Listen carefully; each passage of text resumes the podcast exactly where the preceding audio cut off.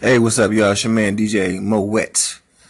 Trying to put together some of the latest jams of this time and a little bit before us. Old school, new school, retro, mid grade, all kind of shit. It's like a musical kush, baby, you know what I'm saying? Sit back, relax, enjoy the sounds. Alright, DJ Moet out. Eminem kind of snapped on this song right here.